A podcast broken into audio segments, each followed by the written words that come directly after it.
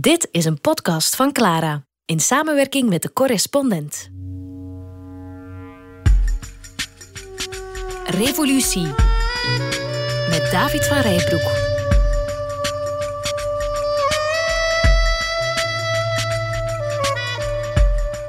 It is Sunday, September 2nd, 1945. Het is zondag 2 september 1945 en in de baai van Tokio wordt op een Amerikaans slagschip, de Missouri, officieel de Japanse overgave getekend. En het is opperbevelhebber, generaal Douglas MacArthur, die de honneurs mag waarnemen.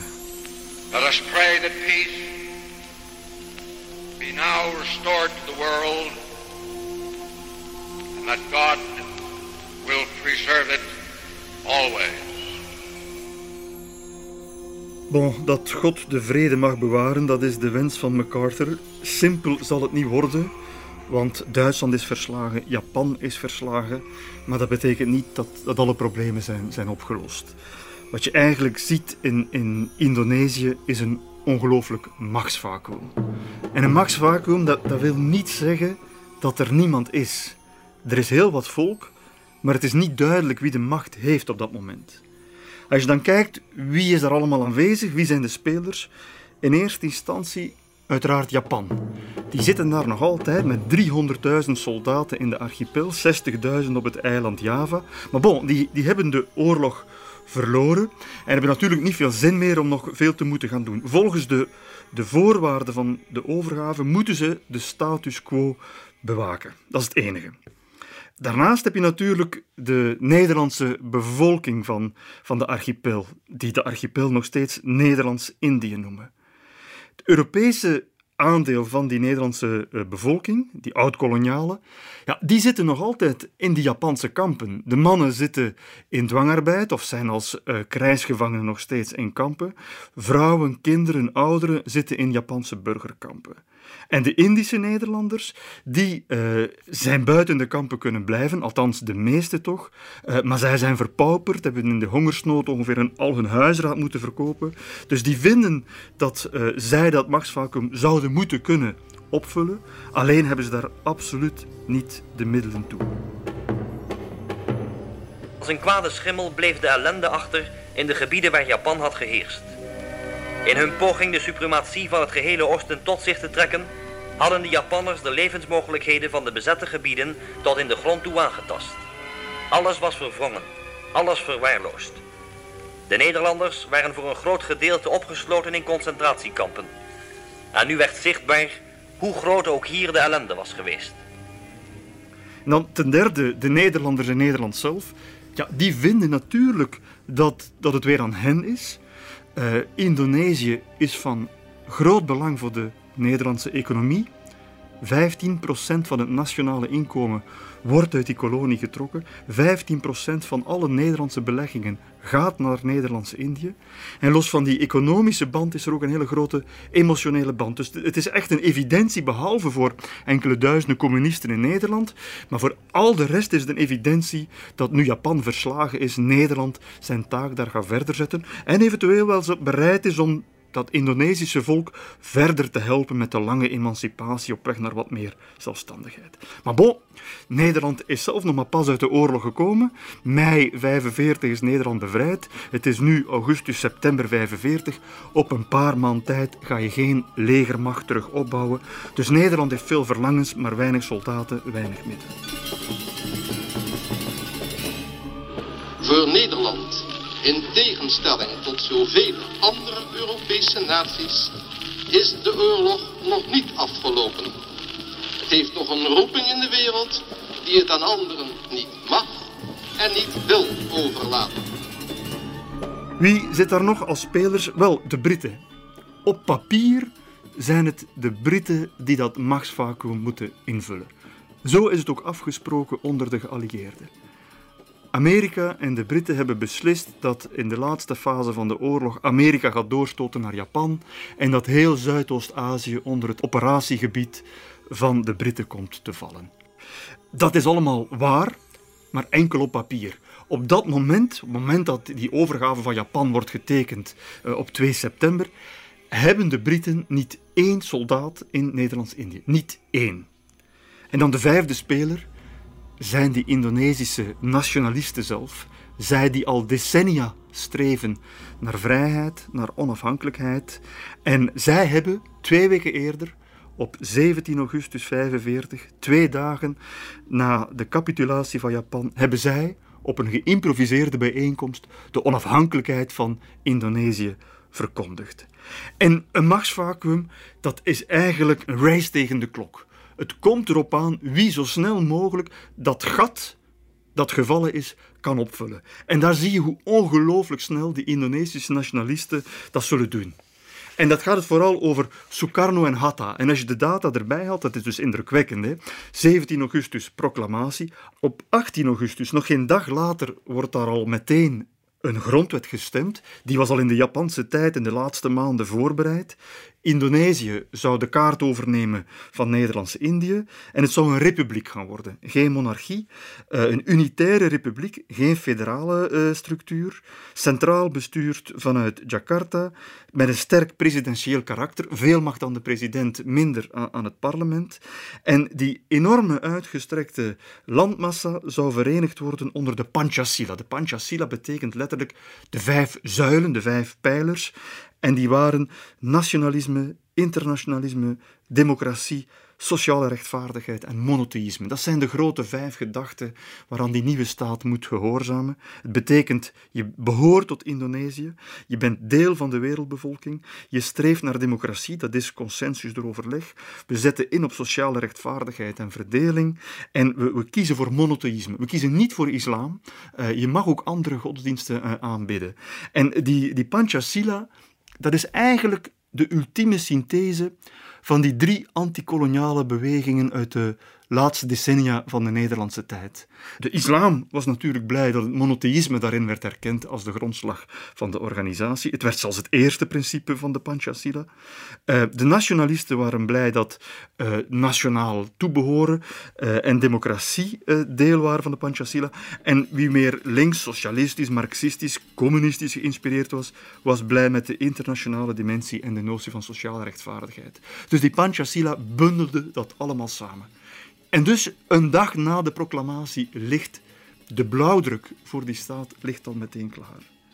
Paar dagen later heb je zelfs het begin van een defensie, een volksverdedigingskorps. Een echt leger is dat nog niet.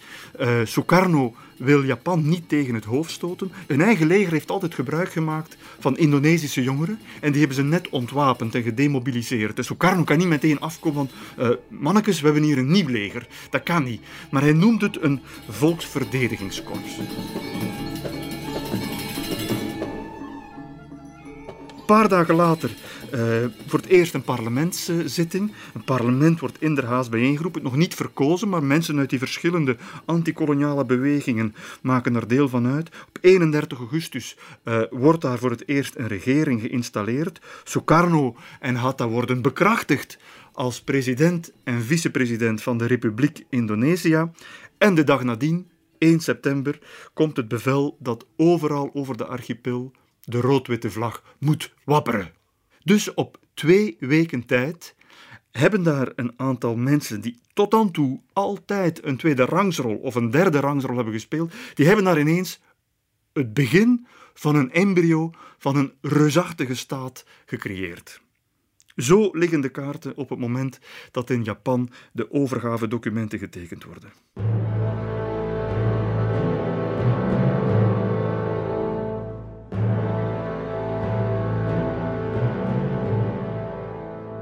Op papier zijn nu dus de Britten aan zet om dat machtsvacuum in te vullen, al is het maar tijdelijk. Maar bon, het opperbevel van die Britse troepen zit in, uh, in Sri Lanka en dat is generaal Mountbatten, de roemruchte generaal. En die denkt van, Japan is verslagen, wij gaan rustig, stapsgewijs te werk gaan. Uh, we hebben ook niet zo heel veel troepen, dus we gaan dat systematisch doen. Eerst Singapore en het Maleisische Schiereiland, voormalige Britse kolonies, dan naar Thailand en Frans-Indochina. En we, pas in laatste instantie gaan we doorvaren naar Indonesië. Ergens begin oktober uh, zal ik uh, in Indonesië kunnen arriveren.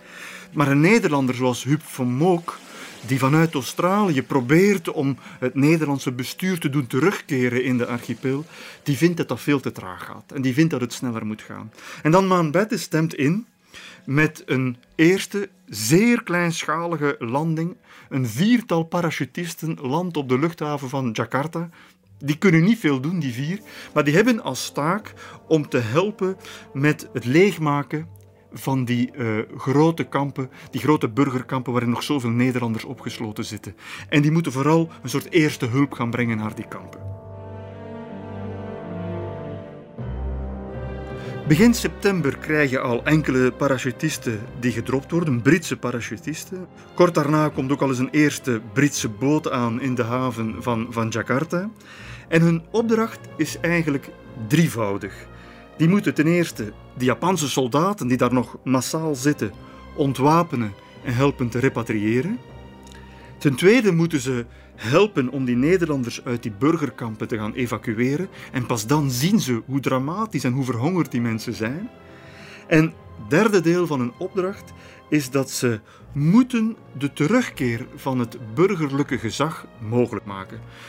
De archipel zat onder Japans militair gezag. Nu was de bedoeling dat die archipel zou terugvallen onder Nederlands burgerlijk gezag. Dus die moesten eigenlijk uh, de rode loper uitrollen voor de terugkeer van het Nederlands kolonialisme. De beschikbare inlichtingen waren zeer gering. Zowel Britse als Nederlandse spionnen hadden eigenlijk maar zeer weinig informatie kunnen inwinnen. En men dacht onderling, en ook Van Moog, de, de hoogste bestuursverantwoordelijke, die volop bezig was met het plannen van die terugkeer, die, die vertelde aan Maanbetten, wij verwachten geen operationele moeilijkheden. We hebben vernomen dat daar een soort...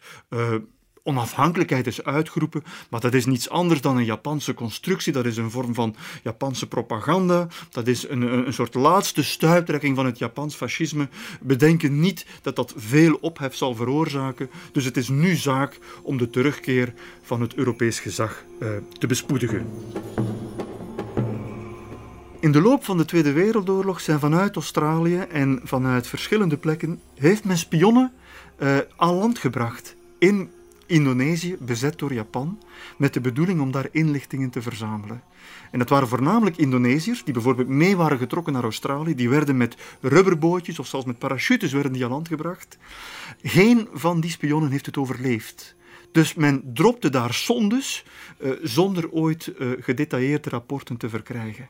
Dus er was nauwelijks kennis beschikbaar over uh, hoezeer die jongeren geradicaliseerd waren door de Japanse politiek, hoezeer die waren opgehitst in politieke zin, hoezeer die waren militair getraind, hoezeer die waren opgefokt om ten strijde te trekken tegen alles wat geallieerd was. Daar had men geen enkel vermoeden van. En men dacht dus werkelijk dat die kleinschalige, geïmproviseerde ceremonie op 17 augustus voor de deur van het huis van Sukarno, men nam dat absoluut niet ernstig. Indonesia causes more worry and unhappiness than any other area.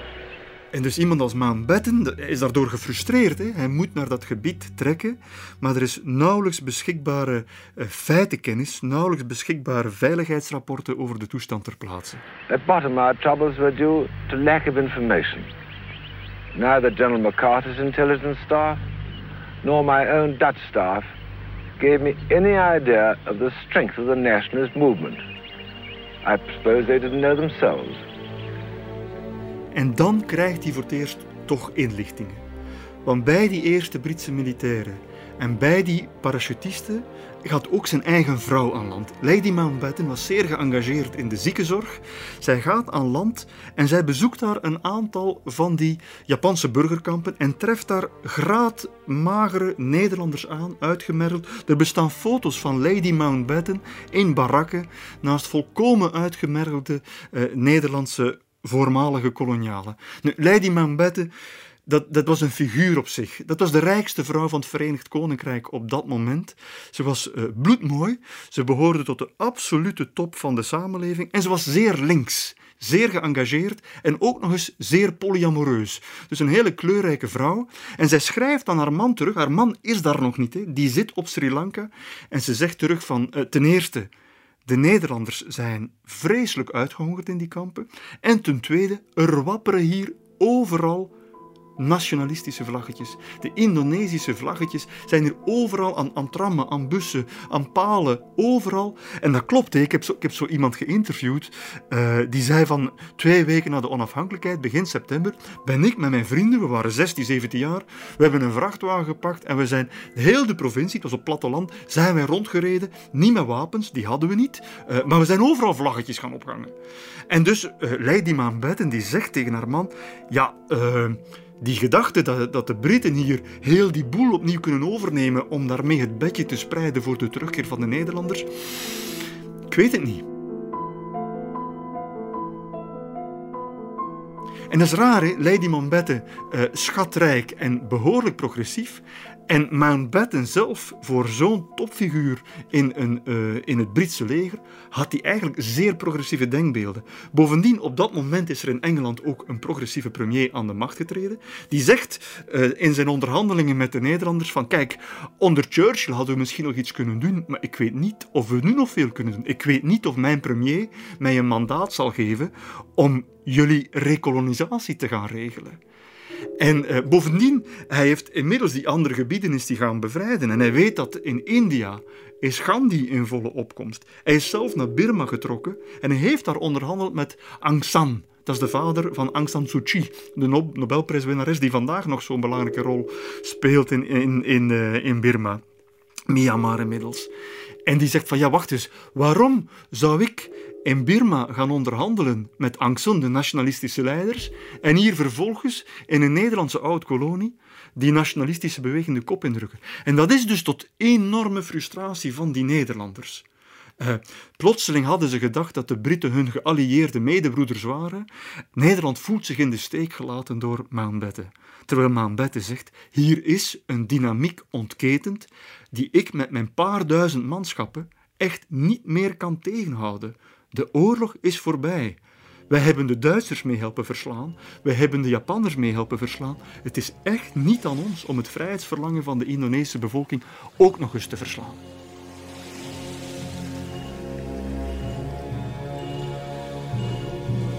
Revolutie met David van Rijbroek.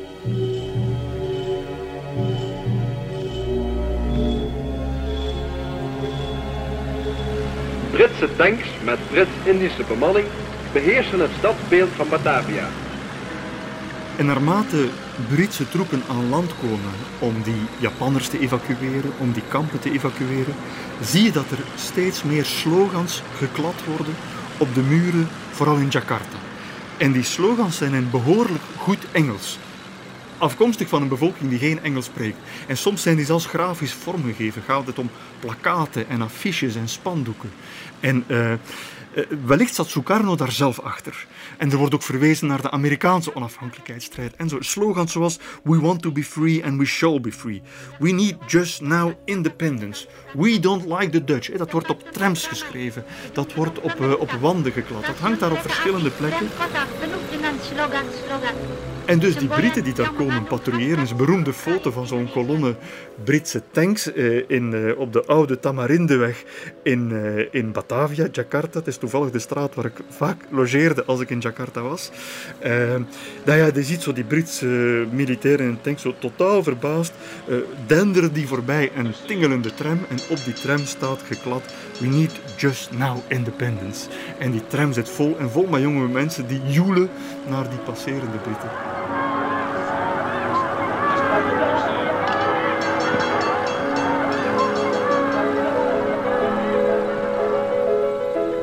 En de reden waarom er overal van die Indonesische vlaggetjes, die rood-witte vlaggetjes wapperen en waarom er overal slogans verschijnen, is dat die jongeren vrezen dat die Britse troepenlandingen, hoe miniem ze op dit ogenblik ook nog maar zijn, dat die wel eens als een soort paard van Troje zouden kunnen fungeren. Eh, waarlangs Nederlandse troepen en Nederlandse ambtenaren terug aan, aan, wal zouden komen. Dat is echt de grote vrees. En dat is niet onterecht, want inderdaad, die eerste troepenlandingen bevatten altijd een aantal Nederlandse adviseurs, militaire specialisten enzovoort. En ik heb er ooit eens over gesproken in Semarang met een oude man, Tourneau, en hij sprak nog een klein beetje Nederlands en hij was ook eh, nogal hardhorig.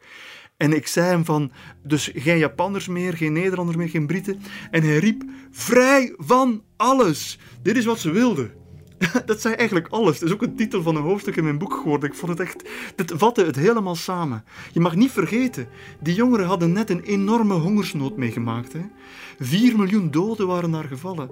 Indonesië is een van de meest zwaar getroffen landen in de Tweede Wereldoorlog geweest als je kijkt naar het dodenaantal. En als je kijkt naar het percentage burgerslachtoffers, is Indonesië nummer 1. Van alle doden in de Tweede Wereldoorlog is 99,7% zijn dat burgers.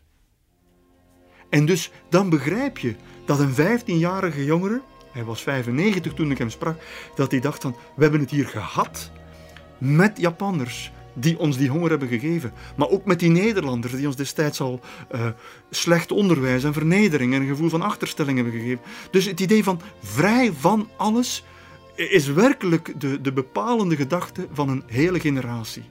En dus als daar Britten komen uh, met boten eh, waaraan tegelijkertijd ook Nederlandse adviseurs komen en die willen daar opnieuw een vorm van burgerlijke administratie op poten zetten, dan begrijpen zij, en terecht, maar dat is gewoon de terugkeer van het kolonialisme en dat zien wij echt niet zitten. En dan, dat beperkt zich niet tot individuen. Hè. Op, op 19 september 1945, een maandje na de proclamatie van Sukarno, daar was 20 man aanwezig Ineens verzamelen er 200.000 jongeren op het grote centrale plein van Jakarta. En die hebben geantwoord op de oproep van een aantal van die militante jongeren. Degene zelf ook die Sukarno destijds hebben aangepord om de onafhankelijkheid uit te roepen. 200.000 jongeren uit de volksbuurten van Jakarta verzamelen om bijeen te komen. En Sukarno ziet dat niet zitten. Die had dat aanvankelijk tegengehouden omdat hij onlusten vreesde. Maar hij ziet dat hij zelf kan die dynamiek ook niet meer tegenhouden en dan doet hij iets ongelooflijks. Hij gaat erheen en hij improviseert daar een speech zoals wellicht alleen Sukarno dat kan. Eh, je moet toch als leidersfiguur sterk op je benen staan om een joelende massa van 200.000, meer dan 200.000 kwaaie pubers die onafhankelijkheid willen. Die zijn gedrild. Die hebben geleerd hoe je van een bamboesteel, die hebben van de Japanners geleerd, hoe je van een bamboesteel een steekwapen kan Die staan daar te bulderen om onafhankelijkheid. En Sukarno zegt, ik weet dat jullie onafhankelijkheid willen, maar op dit ogenblik wil ik vooral weten of jullie je leider vertrouwen. En die massa buldert, ja! En dan zegt Sukarno, wel, als je mij vertrouwt, ga dan nu naar huis. Jan. Jan.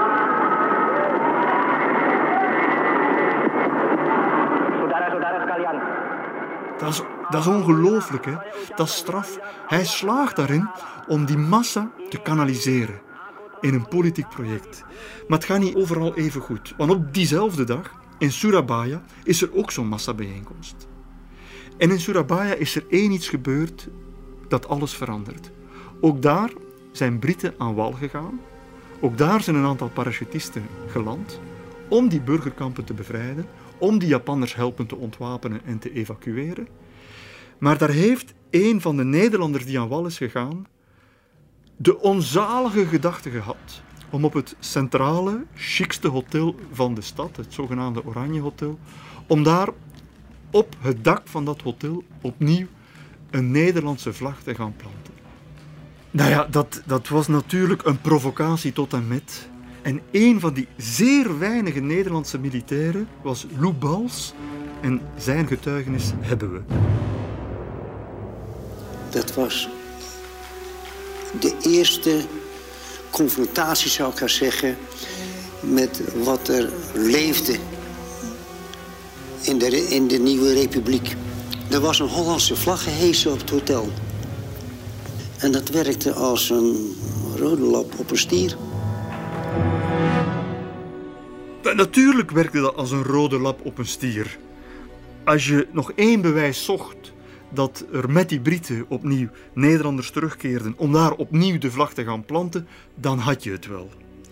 En ik heb tijdens mijn onderzoek met een ongelooflijke getuige kunnen spreken, Sumarsono. Ik heb veel mensen gesproken, uh, mensen die toen echt tieners waren, maar Sumarsono was nog een van de weinigen die echt aan de knoppen van de grote geschiedenis had gezeten. Hij was heel jong, heel militant en hij was erbij. Hij was toen al een leider van die, van die radicale jongeren, van die opgehitste jongeren. Men noemde die de Pemudas, de jeugd. Hij was daar een van de leidersfiguren in Surabaya. En hij zat thuis en hij vertelde mij, ik heb hem geïnterviewd, uh, uren aan een stuk uh, in Jakarta. Hij woonde inmiddels in Sydney, maar hij was toen eventjes in Jakarta. En hij vertelde uh, hoe dat in zijn werk was gegaan. Vijf mensen kwamen mij thuis vertellen dat er een blauwe, wit, rode vlag hing. Ik was kwaad. Ik riep de hele tijd: Er wappert een blauw-wit-rode vlag. Kom mee, kom mee, we halen die vlag eraf. Veel jongeren die me hoorden gingen mee naar het hotel. Honderden. 500 werd 1000, 1000 werd 10.000. Nog meer volk erbij. We stonden met 10.000 man voor dat hotel.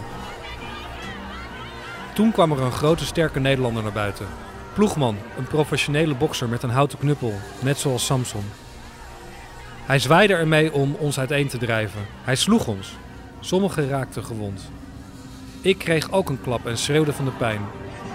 De Permuda's gingen achter hem aan, wel 100 meter. Hij liep terug naar binnen als een hond. Ik riep dat hij terug moest keren en we zouden vechten. Ik liep naar voren. Velen volgden me. We riepen dat de vlag eraf moest. 20, 30 mensen klommen op het dak. Ik klom zelf niet naar boven, maar gaf het bevel. De blauwe baan werd eraf gescheurd en het rood-wit werd gehezen. Nou ja, kan het bijna symbolischer. De Hollandse vlag wordt verscheurd tot die genoeg lijkt op de Indonesische vlag. En bovendien, die ploegman, die daar als een Samson naar buiten kwam, die werd toen gelyncht door de massa. En dat is eigenlijk de eerste Europese dode die valt. De eerste dode van de decolonisatieoorlog.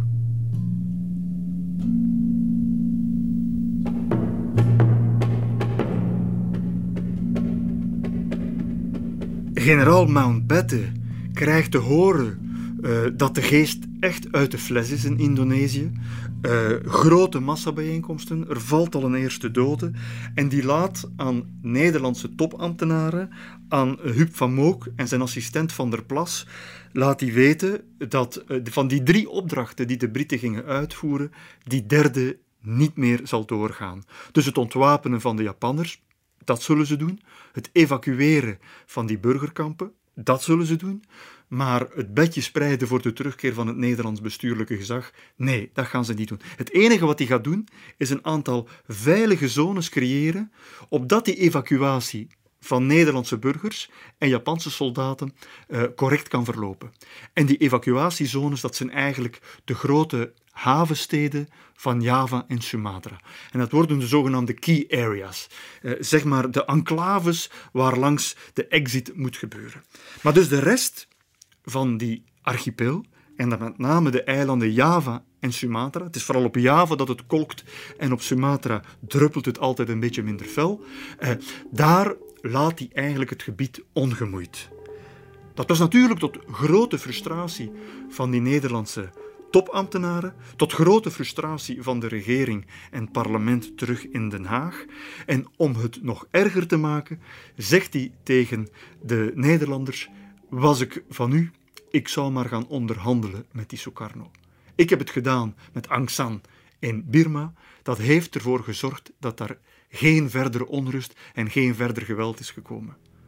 Maar voor de Nederlanders is dat vloeken in de kerk. Op dat moment, Nederland is pas uit de Tweede Wereldoorlog. Het is het moment dat de collaboratie uh, wordt uh, met zeer strenge bril bekeken. Er wordt enkel gedacht in termen van goed en fout. En wie mee heeft gedaan in Nederland met de Duitsers is een collaborateur, uh, moet vervolgd worden.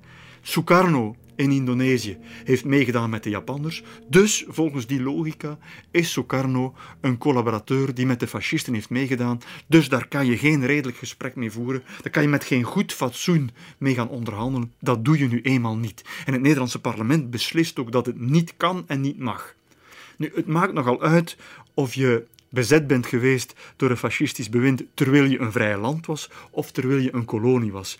Ja, Sukarno heeft meegedaan met Japan, maar omwille van volkomen opportunistische redenen.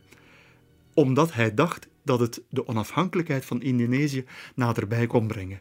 Niet omdat hij overtuigd fascist was.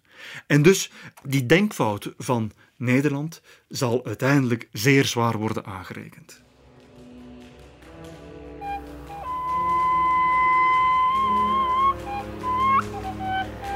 Revolutie met David van Rijbroek. Het is oktober 1945, dat machtsvacuum is nog altijd daar en de strijd wordt steeds hitsiger. De Japanners die voelen de bui al hangen en die gaan over tot een proces van zelfinternering. In landelijk gebied gaan ze zich in kampen steken tot ze veilig kunnen geëvacueerd worden. De Britten brengen op dat moment zo'n 4000 soldaten aan land, voornamelijk Indiaanse en Nepalese troepen. Maar ook Nederland komt daar voor het eerst met 2000 soldaten langs. Zeven knielcompagnieën. Uh, bestaat voornamelijk uit uh, Ambonese en Menadonese soldaten. Ook een aantal Nederlandse militairen. En de top van het kniel. Uh, zeg maar, de baas van de marine, admiraal Helfrich, is daarbij. Luitenant-generaal Van Ooyen, opperbevelhebber van het kniel. En zelfs Van Mook komt terug uh, luitenant-gouverneur-generaal wordt hij genoemd. Het lijkt wel alsof het kolonialisme terug is van nooit helemaal weg geweest. En dat zet natuurlijk ongelooflijk veel kwaad bloed bij die honderdduizenden Indonesische jongeren. Die paar duizend militairen gaan hun woede niet intonen. En dan kom je terecht in de meest bloedige fase van de revolutie. Wat je dan krijgt is een een, explosie aan geweld, een orgie aan geweld, ongecontroleerd geweld. Vergelijkbaar met de Franse revolutie, vergelijkbaar met de Russische revolutie. In Nederland wordt die periode aangeduid met de Bersiap. En Bersiap wil zeggen, komt van Siap en dat wil gewoon zeggen, wees klaar, wees paraat, wees bereid. Dat was de slogan die die jonge uh, revolutionairen, die tieners in de straten van Batavia en de straten van Surabaya op het platteland uh, riepen toen er strijde moest worden getrokken. Dus en die, die ten strijde trekken, je moet je daar geen gestructureerde militaire opmars bij voorstellen. Uh, die jongeren hebben geen wapens. Ze hebben in de Japanse tijd geleerd dat je desnoods van een, uh, een, een forse bamboestok een vrij stevig steekwapen kunt maken. In bloot bovenlijf en met bamboestokken en met een rode band in het haar koelen ze hun woede op alles wat ook maar enigszins Europees is. En die Britse militairen en die uh, Nederlandse troepen, uh, die laten ze met rust. Ze willen liefst van al de Nederlanders gaan uitmoorden die nog in die Japanse kampen zitten. Uh, maar die Japanse troepen, die vroeger die Nederlanders moesten binnenhouden, die moeten nu die Indonesische jongeren zien buiten te houden. Dus die rol is totaal veranderd van de Japanse bewakers van die kampen. Dat waren vroeger de bewakers van de Nederlanders, dat worden nu de beschermers van de Nederlanders. Dus als ze de soldaten, de geallieerde soldaten, niet kunnen aanpakken, als ze de Nederlandse burgers in die kampen niet kunnen aanpakken, dan bekoelen ze hun woede op die 200.000 Indische Nederlanders die nooit in kampen zijn opgesloten. De zogenaamde buitenkampers. En die Bersiap-tijd, ja, dat is echt de tijd waar die Indische Nederlanders, die vaak al eerder een ambivalente categorie waren waarop werd neergekeken in de koloniale tijd, in de Japanse tijd, ja, die zullen nu ineens in het mikpunt van de belangstelling staan, in het, zeg maar, het mikpunt van de woede van die honderdduizenden jongeren. En ik moet eerlijk zeggen, de getuigenissen die ik heb gevonden in archieven, in boeken, in documenten, maar ook in, in interviews, dat is, dat is ongelooflijk.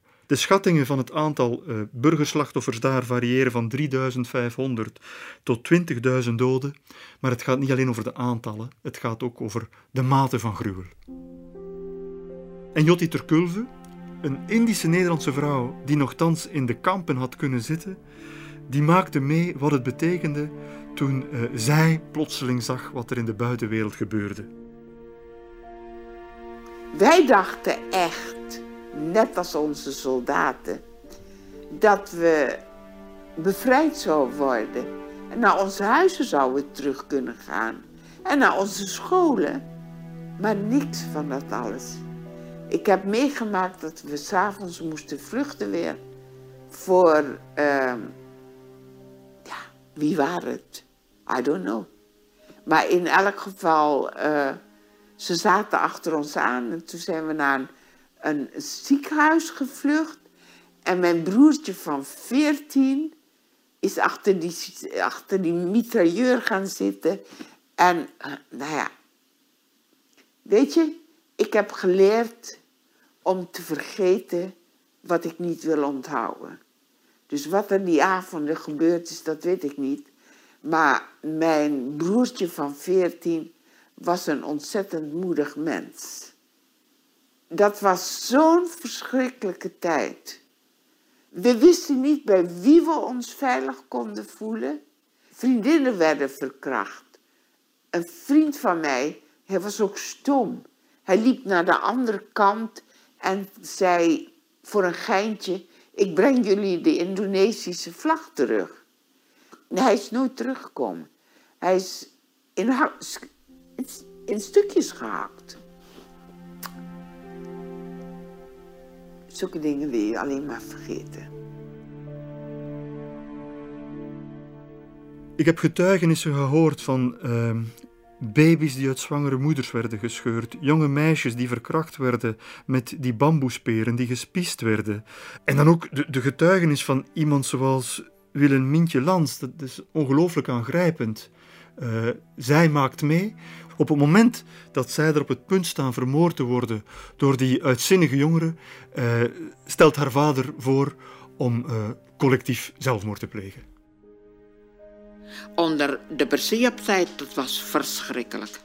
Wij werden met z'n twintigen in een klein optrekje van uh, uh, riet met bamboe. En we hoorden aan de buitenkant de Javanen messen slijpen.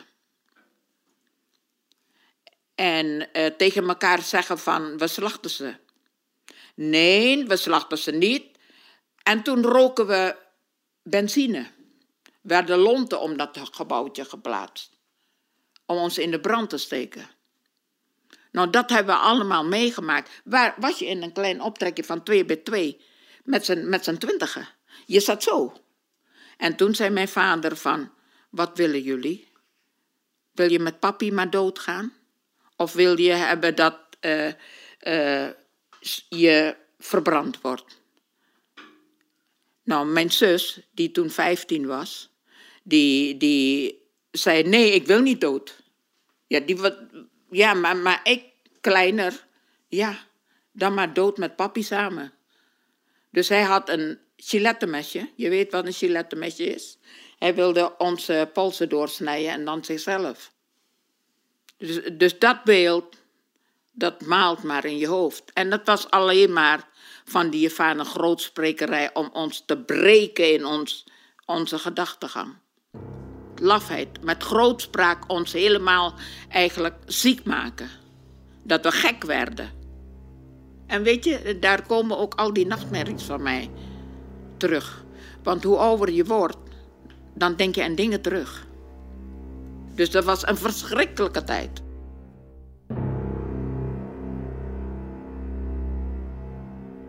Ja, dit is natuurlijk afschuwelijk, zo'n tragische getuigenis.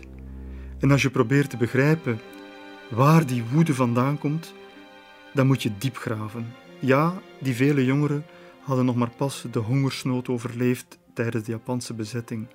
En ja, door de Japanners waren ze geradicaliseerd en hadden ze wapens leren maken en waren ze opgegitst en ge, gebrainwashed. Ja, maar, maar er is nog iets wat eraan vooraf gaat. En dat is dat zijn jongeren die in de jaren dertig eh, een hele ambivalente verhouding met het kolonialisme hebben. Je zou kunnen zeggen, in die, in die koloniale periode is er een enorme bevolkingstoename geweest. De materiële voorwaarden waren goed genoeg om een bevolkingsgroei toe te laten. Maar de geestelijke voorwaarden en de sociale condities waren van een heel andere aard. In de jaren twintig werden er enorm veel kinderen geboren. In de jaren dertig werden ze enorm kort gehouden. En in de jaren veertig worden vervolgens gek gemaakt door de Japanse bezetting. En dat is het eigenlijk. Het is die opeenstapeling van factoren, op de lange termijn, die ervoor zorgt dat een vulkaan een hele tijd lang heeft liggen sluimeren in stilte en plotseling tot uitbarsting komt in een paar weken tijd in een aantal specifieke omstandigheden met een met een dramatisch resultaat als gevolg. En tijdens mijn onderzoek vond ik het van belang om ook in de, in de geest te kijken van, van wie toen zo uh, woest tekeer ging en zo brutaal en, en, en, en zo medogeloos te werk ging. En ik heb met verschillende van die pemudas, van die revolutionaire jongeren gesproken, die toen natuurlijk uh, stokoude mannen waren. Eén daarvan was Surahman. De hele avond met hem zitten praten in zijn, in zijn huis in, in Jakarta. Uh, waar hij nog zijn, uh, zijn wapens van toen boven haalde. En waarin hij vertelde waarom hij destijds op zo korte tijd zo radicaal werd. Ik hield niet van de Indische Nederlanders. Ze voelden zich altijd beter, terwijl ze toch ook een Indonesische moeder hadden. De Nederlanders gebruikten de Britse soldaten om terug te komen. Toen ik dat zag, werd mijn motto: ik ga voor mijn land vechten, tot mijn laatste druppel bloed. Het was een innerlijke drang, een geestdrift, een gevoel. Ik moest dit doen. Onder de Nederlanders was het leven goed geweest. Ze wisten hoe een land te besturen, maar ze werkten met de elite en hielden ons klein. Wij waren als kinderen in slaap gewiegd door een liedje. Dat deden ze heel slim, de Nederlanders. Japan daarentegen had ons leren vechten, zogenaamd voor onze onafhankelijkheid, maar dat was camouflage voor hun eigen oorlog tegen de Britten en de Amerikanen. Maar hij was niet de enige, want heel zijn generatie werd opgehitst via, via de radio. En, en de belangrijkste stem op dat moment was uh, Sutomo. Boom Tomo werd hij genoemd. Kameraad Tomo. En, en Tomo was uh, een, een, jonge, militante, radicale, geestdriftige redenaar die op de radio uh, de jongeren opriep om de strijd vooral niet te staken. En uh, er werd zelfs gezegd tegen de jongeren van geen seks hebben tot we onafhankelijk zijn. Niet naar de kapper gaan. Laat je haar niet knippen. Dus je, had, je kreeg een hele generatie van van uh, jongeren met onstuimig haar, met een rode haarband in, in bloot bovenlijf. Tengere, blote, uitgemergelde blote bovenlijven van die hongersnood nog, die met uh, ranke bamboespiezen rondtrokken.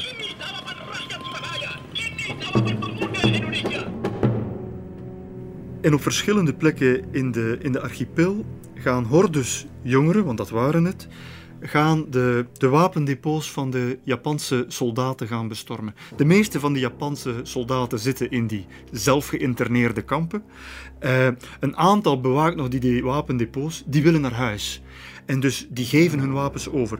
En je ziet bijvoorbeeld in een stad als Surabaya, gaat op 1 oktober een enorme massa jongeren de Kempetai bestormen. De, de meest gevreesde uh, politie, de Gestapo van de Japanners, gaan ze uh, zeg maar zonder vrees te lijf en ze slagen erin uh, eh, 19.000 geweren, 800 pistoolmitrailleurs, 700 licht en 500 zware mitrailleurs.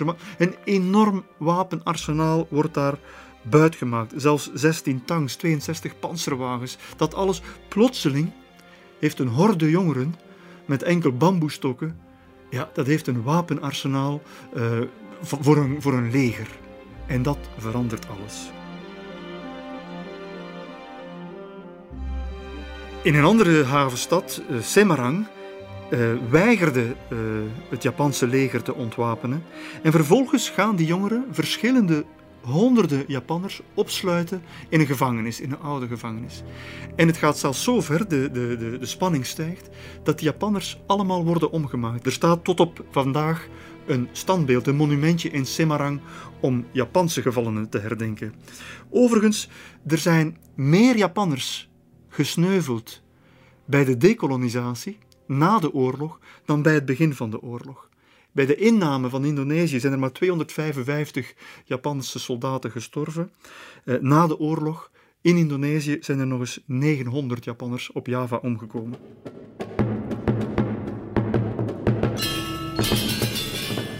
We wilden hen niet doden, we wilden enkel hun wapens. Maar zij weigerden om die te geven. Onze vijand was Nederland, Engeland, de Koerka's, de Indiërs, de Australiërs, niet Japan. Maar we moesten hen aanvallen om aan karabijnen te komen en een dag later nog eens voor het zwaardere geschut. Het was een grote chaos. Geen commando, geen idee wie de bevelen gaf. Iedereen stierf. Ze hadden geen wapens, ze konden niet weg. Ja, dat zei Iskandar, een man die ik eh, kon interviewen over de gebeurtenissen toen. En het resultaat daarop was een ongelooflijke represaille van die Japanse troepen die vijf dagen lang een veldslag hebben geleverd met de Republikeinse jongeren. En die kregen daarbij de steun van Britse soldaten die daar geland waren. Eigenlijk is dat ongelooflijk. Twee maanden eerder waren de Britten geallieerden die vochten tegen Japan. Nu gaan Britse soldaten samen met Japanse soldaten te strijden trekken tegen die hordes uh, Indonesische jongeren.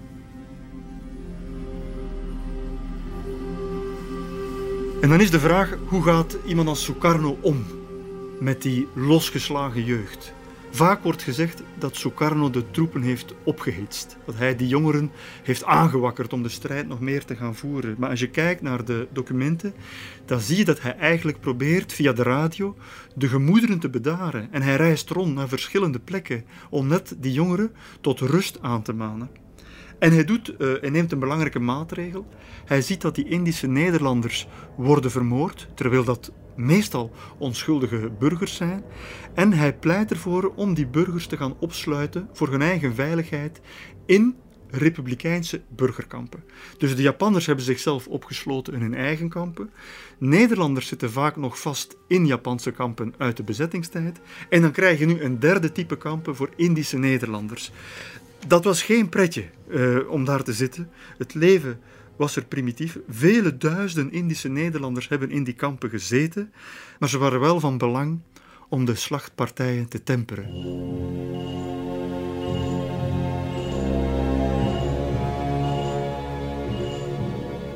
Op dat moment wil Sukarno nog altijd zijn proclamatie, het uitroepen van die Indonesische onafhankelijkheid, hij wil die veiligstellen.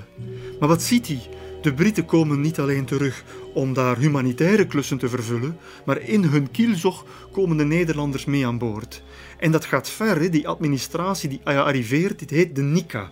En de NICA is een vierletterwoord, betekent Netherlands Indies Civil Administration. Dus het woord Nederlands-Indië keert terug. En civil administration, nou ja, die dragen militaire uniformen, die hebben militaire rangen. Er komen soldaten terug aan wal. Dus uh, Sukarno zegt van, uh, ja maar dat is hier niet de bedoeling. Tegelijkertijd, hij heeft een tegenmacht nodig. Die jongeren zijn het begin van een tegenmacht, dat zijn een soort stoottroepen. Alleen met zulke vrienden heb je soms geen vijanden meer nodig. Hij beseft dat als die uh, zo roekeloos te werk gaan, dan is de internationale sympathie voor het Indonesische vrijheidsverlangen, dan is het snel voorbij. Hij moet Amerika aan zijn kant zien te krijgen. Hij moet internationale erkenning van zijn creatie krijgen. En dus wat hij doet, is de jongeren proberen in te tomen en hun energie probeert hij te kanaliseren in het uitbouwen van een republikeins leger. En de strijdmachten bestaan lange tijd tussen een regulier leger en ongecontroleerde militietjes, microlegertjes. De Sukarno moet proberen de revolutie te bewaken aan de hand van reguliere troepen, maar ook met die irreguliere troepen. Nu, dat is de ambitie van Sukarno, maar op papier ligt de echte macht nog steeds bij opperbevelhebber Mountbatten. Hij moet dat daar in goede banen begeleiden. En hij zegt tegen de Nederlanders voor de zoveelste keer: ga praten met Sukarno. De, de wil is niet groot. En verandert de naam Nika in iets wat een beetje minder koloniaal klinkt. Laat de term Nederlands-Indië nu maar eens vallen. En eh, derde tip van Maanbetten aan de Nederlandse overheden: het innemen van die enclaves laat dat alsjeblieft aan de Britse soldaten over. Want als jullie het doen, komt er miserie van. Het werkt als een rode lap op een stier. En dus Jakarta is inmiddels uh, een key area door de Britten ingenomen. Semarang is ingenomen. En nu, nu moet het gaan naar, naar Surabaya. Maar dat is de stad waar inmiddels tienduizenden vuurwapens circuleren. Maar Mambette gelooft dat het kan lukken en hij stuurt er 4000 soldaten op af met brigadier Malaby. Malaby staat op, aan boord van zijn schip en hij ziet daar allerlei jongeren met uh, mitrailleursriemen rond hun blote borst hangen. En die gelooft in een vreedzame, onderhandelde oplossing. En die gaat aan land en die zegt van, we hebben geen kwaad eh, eh, in ons, we gaan ons enkel bezighouden met het ontwapenen van de Japanners en het leeghalen van de Japanse burgerkampen. Dat is het enige wat we gaan doen. Maar de dag nadien dwarrelen pamfletten naar beneden vanuit vliegtuigen, waarvan Malaby niets weet, en die pamfletten roepen al die zwaar bewapende jongeren op om hun wapens in te dienen. Nou, dat is natuurlijk wat die jonge gasten niet willen horen. En twee dagen later besluiten die tienduizenden, het gaat echt over een enorme massa volk, besluiten tot de aanval over te gaan. En dat is zelfs een gecoördineerde aanval. En daar doen 20.000 reguliere soldaten van het regeringsleger aan mee, plus 140.000 jongeren van de stad Surabaya. En zelfs een transport, het Gubing-transport, dat bedoeld was om een van die burgerkampen leeg te halen. Een transport met Britse militairen en Nederlandse moeders en kinderen wordt zwaar onder vuur genomen. Daar vallen honderd doden bij, uh, afschuwelijke gebeurtenissen enzovoort. Surabaya is geen stad meer, dat is een slagveld. Some of the most violent clashes in the Javanese war took place recently in Surabaya, one of the most important naval and commercial cities in Java. It is imperative that a peaceful solution should be found at the earliest moment. En wat je vervolgens ziet, is dat zelfs bij het onderhandelen van een vreedzame oplossing, waarbij Malawi afkomt, waarbij Sukarno afkomt, waarbij de gemoederen tot bedaren worden gebracht, vijf uur later wordt Malawi zelf neergeschoten einde van Malaby, grootste, hoogst geplaatste Britse officier uh, die daar het leven laat. En de Britten beseffen, wacht, dit, dit, we houden dit niet meer in de hand. En Mountbatten stuurt er vervolgens niet meer 4000 soldaten op af, maar 12.000 soldaten. En wat je dan krijgt, we zijn in november 45, is de Battle of Surabaya. Uh, gedurende een periode van twee, drie weken strijden de Britse soldaten, maar werkelijk straat per straat, plein per plein, steegje per steegje, om die stad te gaan veroveren op die jongeren. Daar vallen 15.000 Indonesiërs bij. 200.000 mensen slaan op de vlucht. Eigenlijk is dat de grootste en de dodelijkste strijd van heel die decolonisatieoorlog. Tussen de proclamatie van augustus 45 en de finale erkenning in december 49. Een enorm slagveld. De Battle of Surabaya. We zijn drie maanden na de proclamatie en een oplossing is absoluut niet in zicht.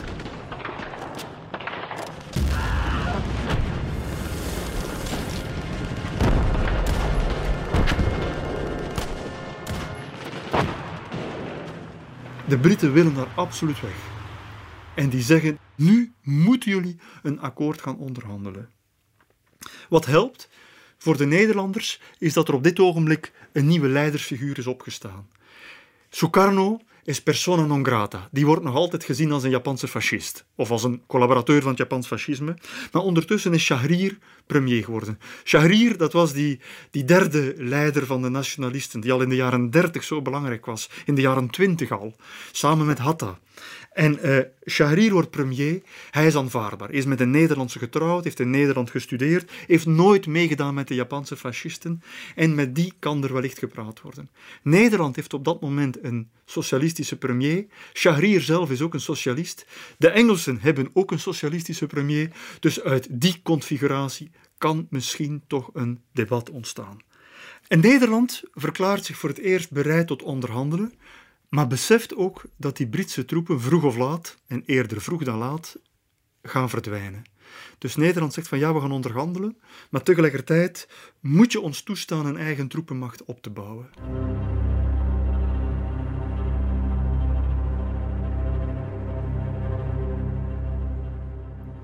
We zijn begin 1946. Die Japanse troepen die worden stilaan afgevloeid. Die gaan terug naar Japan. De Britten willen naar huis. Na de Battle of Surabaya hebben ze geen enkele zin om nog te blijven. Nederland is voor het eerst bereid om te onderhandelen, op voorwaarde dat het zijn eigen troepenmacht mag opbouwen. Want Nederland beseft van, wacht eens, als die Britten hier zo meteen vertrekken, dan is dat machtsvacuum opnieuw groter. Dus wij moeten daar iets kunnen aan doen. En de Republikeinen zeggen, maar wacht, als die Britse troepen worden ingewisseld door Nederlandse troepen, dan is onze situatie niet meer veilig. Uh, en dan zeker niet in die, in, die, in die enclaves, de steden Jakarta, Semarang, Surabaya, ook een aantal havensteden op Sumatra. En de republikeinse regering, Sukarno, beslist van, wacht, wij moeten ons in veiligheid brengen en we zullen onze hoofdstad verleggen. Wij trekken weg uit Jakarta met de republikeinse regering en wij trekken, wij vestigen ons in Yogyakarta, de stad in Centraal-Java, waar nog altijd een sultan woont. De sultan heeft sympathie voor de revolutie en de republiek en dus die regering verhuist, maar met die regering duizenden van die jongeren die in uh, Batavia, Jakarta, Semarang, Surabaya hebben gezeten. En Yogyakarta, ik heb met verschillende mensen gesproken die daarbij waren, die zeiden van Yogyakarta lag vol. We moesten met dertig in één kamer slapen. Yogyakarta werd echt het hart van de republiek. Op veilige afstand van de plek waar Nederland aan land zou gaan. Nu, zover is het nog niet, want Nederland moet nog altijd een eigen leger op de been brengen. De laatste keer dat Nederland een dienstplicht heeft ingevoerd was voor de Tweede Wereldoorlog. Dus nu moeten er voor het eerst tienduizenden Nederlandse jongeren worden opgeroepen. Ja, er zijn die vrijwillige soldaten geweest die meteen na de bevrijding enthousiast waren, maar die wilden tegen Japan gaan vechten. Een aantal daarvan besefte van het is daar niet meer tegen Japan, het is daar tegen die onruststokende jongeren. Maar plotseling moet Nederland een dienstplicht invoeren om te gaan vechten in Indonesië. En Nederland is zeer verdeeld daarover. Er is een, uh, een enquête afgenomen in de, halverwege 1946 en dan zie je dat eigenlijk maar de helft van dat land overtuigd is met de troepenzending om te gaan. En de enkele Indonesiërs die nog in Nederland wonen, die organiseren manifestaties tegen die troepenzendingen. Ik heb ooit een man gesproken die betrokken was geweest bij een grote manifestatie in het Concertgebouw in Amsterdam om te verhinderen dat Nederland troepen zou gaan sturen. Maar dus tienduizenden Nederlandse jongeren worden opgeroepen en velen proberen de dans te ontspringen. Eén daarvan is een Jos van het Groenewoud. Die probeert uh, aan zijn dienstplicht te ontkomen door te verhuizen naar Brussel. In Brussel wordt zijn zoon geboren, dat is Raymond van het Groenewoud, later de godvader van de Vlaamse rock. Remco Kampert uh, wordt ook opgeroepen. Ik heb hem nog geïnterviewd. Uh, werd gek verklaard door een bevriende psychiater. Armando, de dichter Armando, nog zo'n vijftiger, veinsde waanzin. Hans Andreus beweerde dat hij homo was. En Lucio Berdi moest wel gaan, maar die werd administratief vergeten. Men stond niet te drummen om te gaan. Grote delen van Nederland hadden er geen zin in, andere delen wel. Dus er is verdeeldheid in Nederland hierover.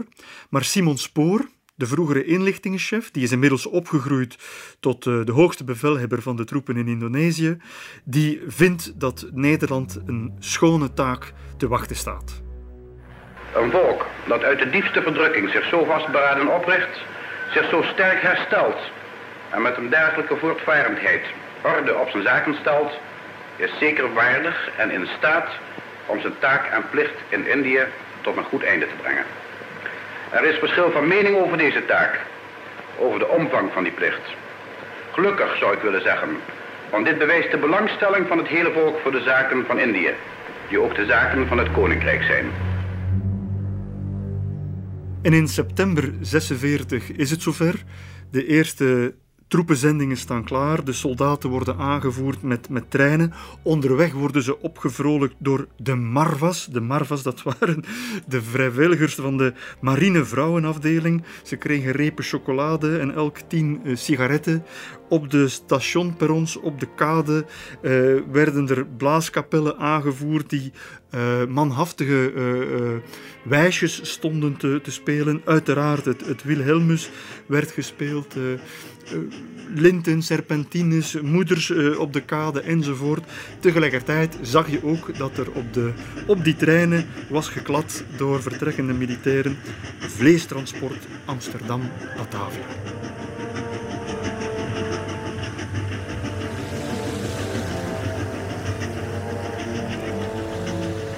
Het was ongeveer drie weken varen. Ze kregen zeer weinig voorlichting aan boord. Een aantal moedige films, eh, een klein beetje lessen Maleis voor wie het wou. Maar na een drietal weken varen kwamen ze aan in Tanjung Priok, de beroemde haven van Jakarta. Batavia nog volgens de Nederlanders. En ook daar klinkt opnieuw het Wilhelmus.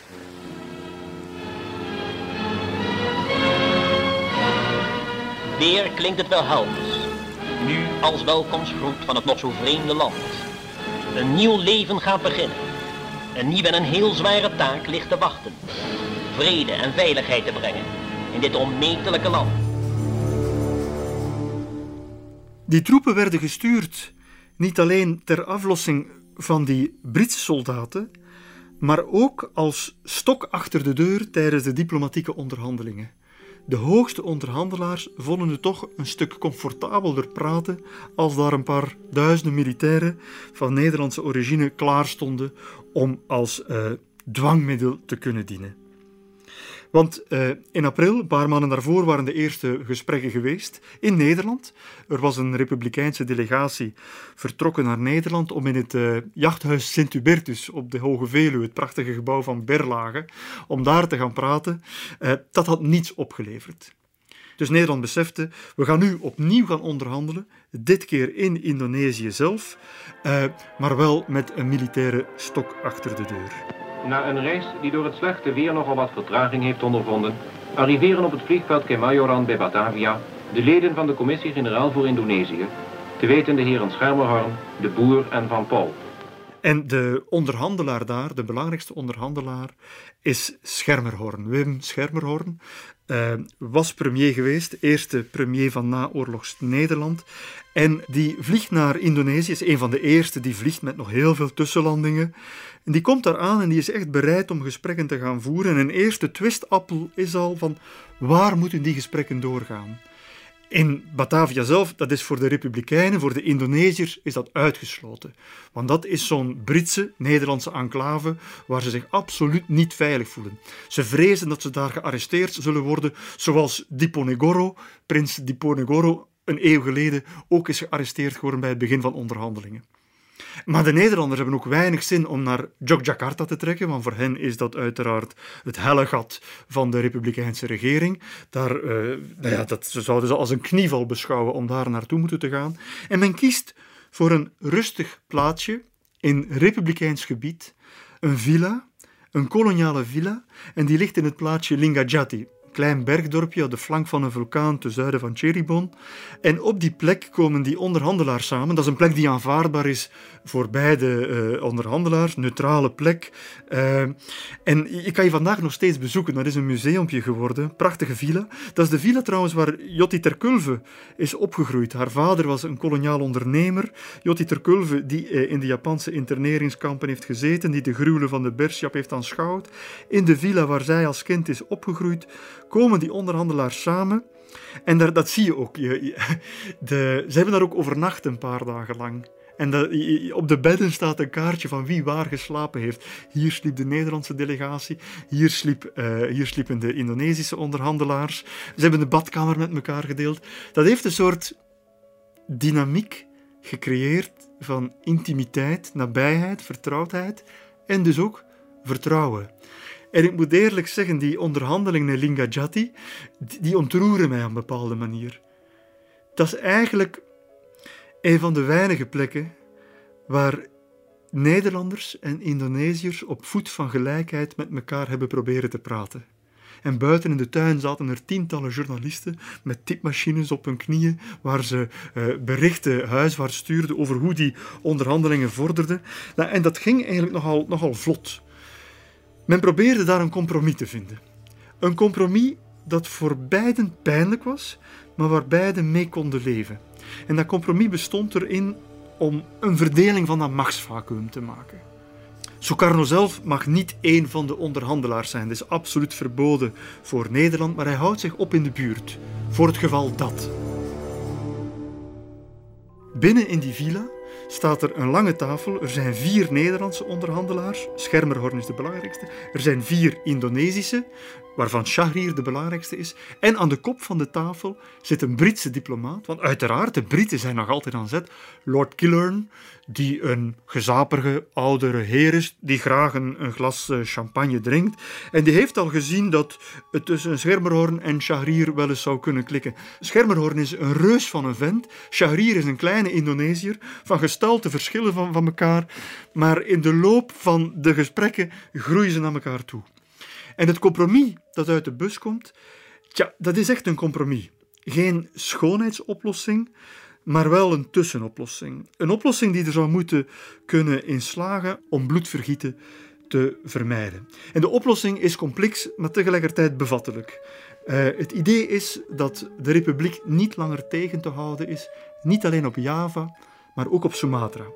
Dus het idee is dat de Nederlandse regering het gezag van de Indonesische Republiek de facto, in de feiten, erkend op Java en Sumatra.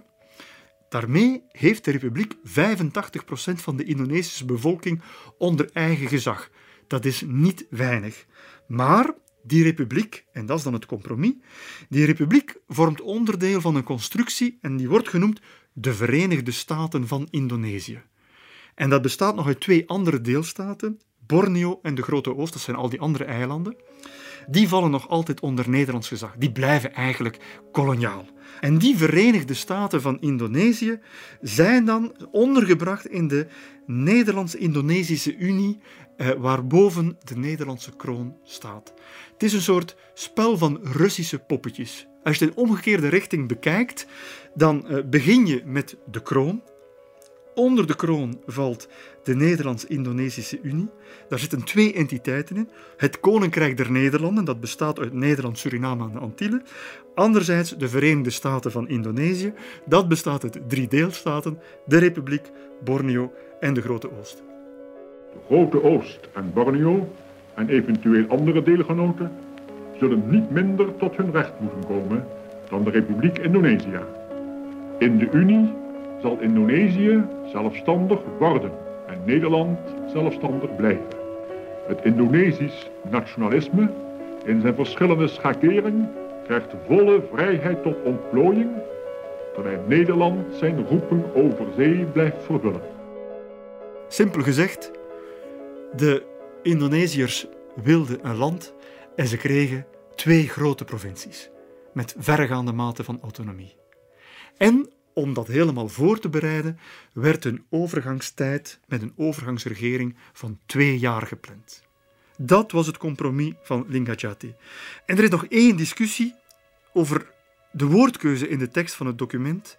Wordt de Republiek Indonesië vrijgenoemd of soeverein? En soeverein is natuurlijk de maximale versie. En dan Sukarno houdt zich op in de buurt en uh, nou ja, uh, Schermerhorn trekt erheen gaat met Sukarno praten en die vraagt van, uh, zou het voor u verschil maken? Mochten we in de finale tekst van het akkoord van Lingajati het woord vrij, mochten we dat vervangen door soeverein? Vervolgens vroeg Van Mook aan Sukarno en Hatta of, indien zij deze wijziging erdoor kregen en wij haar aanvaarden, wij dan konden zeggen klaar te zijn. Daarop antwoordde Sukarno volmondig bevestigend en zei zelfs dat hij in dat geval bereid was het volle gewicht van zijn persoon en positie in te zetten om de zaak bij de bevolking van de republiek aanvaardbaar te maken.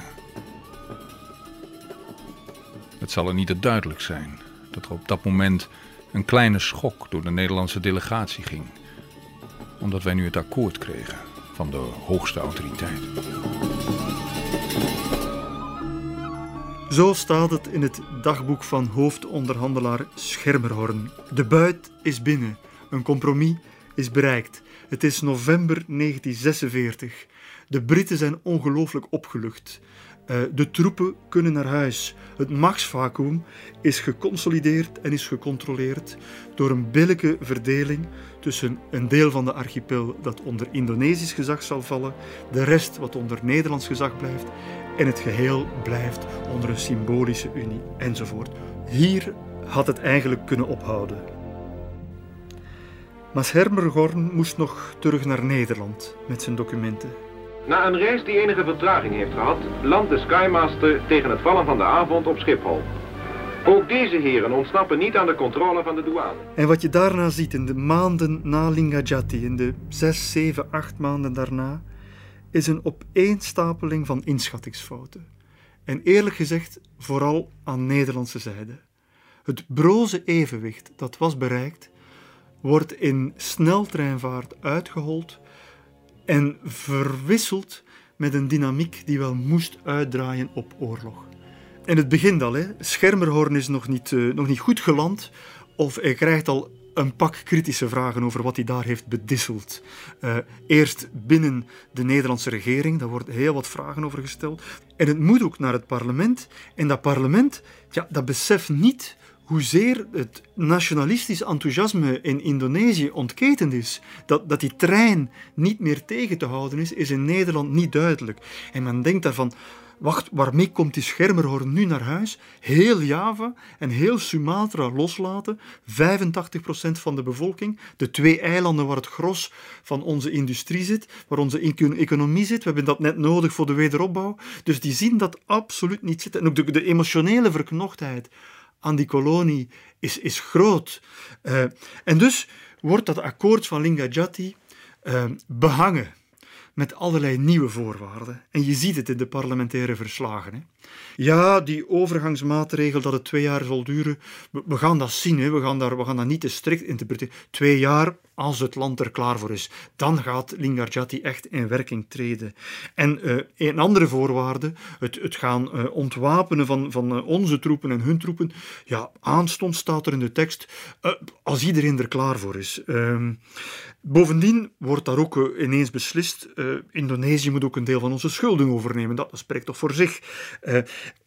Trouwens, volkomen nieuw element, nooit ter sprake gekomen in de Villa van Lingajati, zouden we toch niet Nieuw-Guinea voor ons kunnen houden.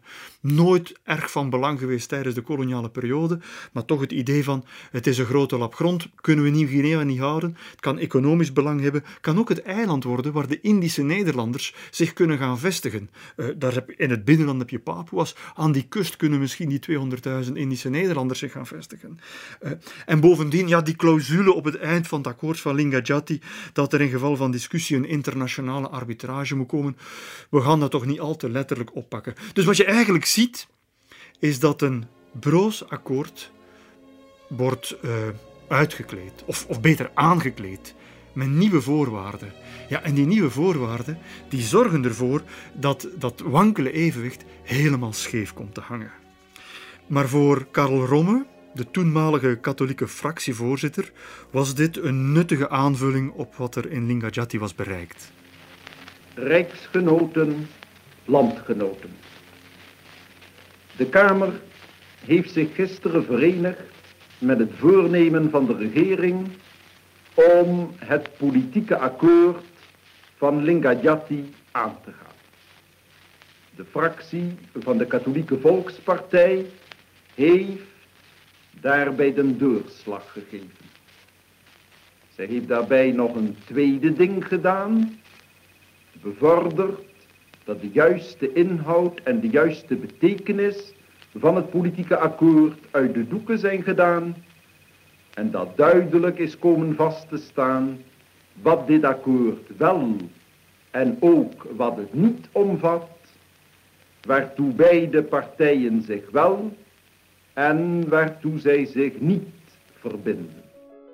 Het akkoord van Lingajati dat was een tekst van zes bladzijden. De interpretatie die Nederlandse regering en Nederlandse parlement eraan geven, dat zijn tientallen bladzijden, annexen, die daar worden aan toegevoegd. Dat was niet de afspraak. En Sukarno zei het ook letterlijk, hè, dat hij dat beschouwde als een aanranding van de oorspronkelijke overeenkomst.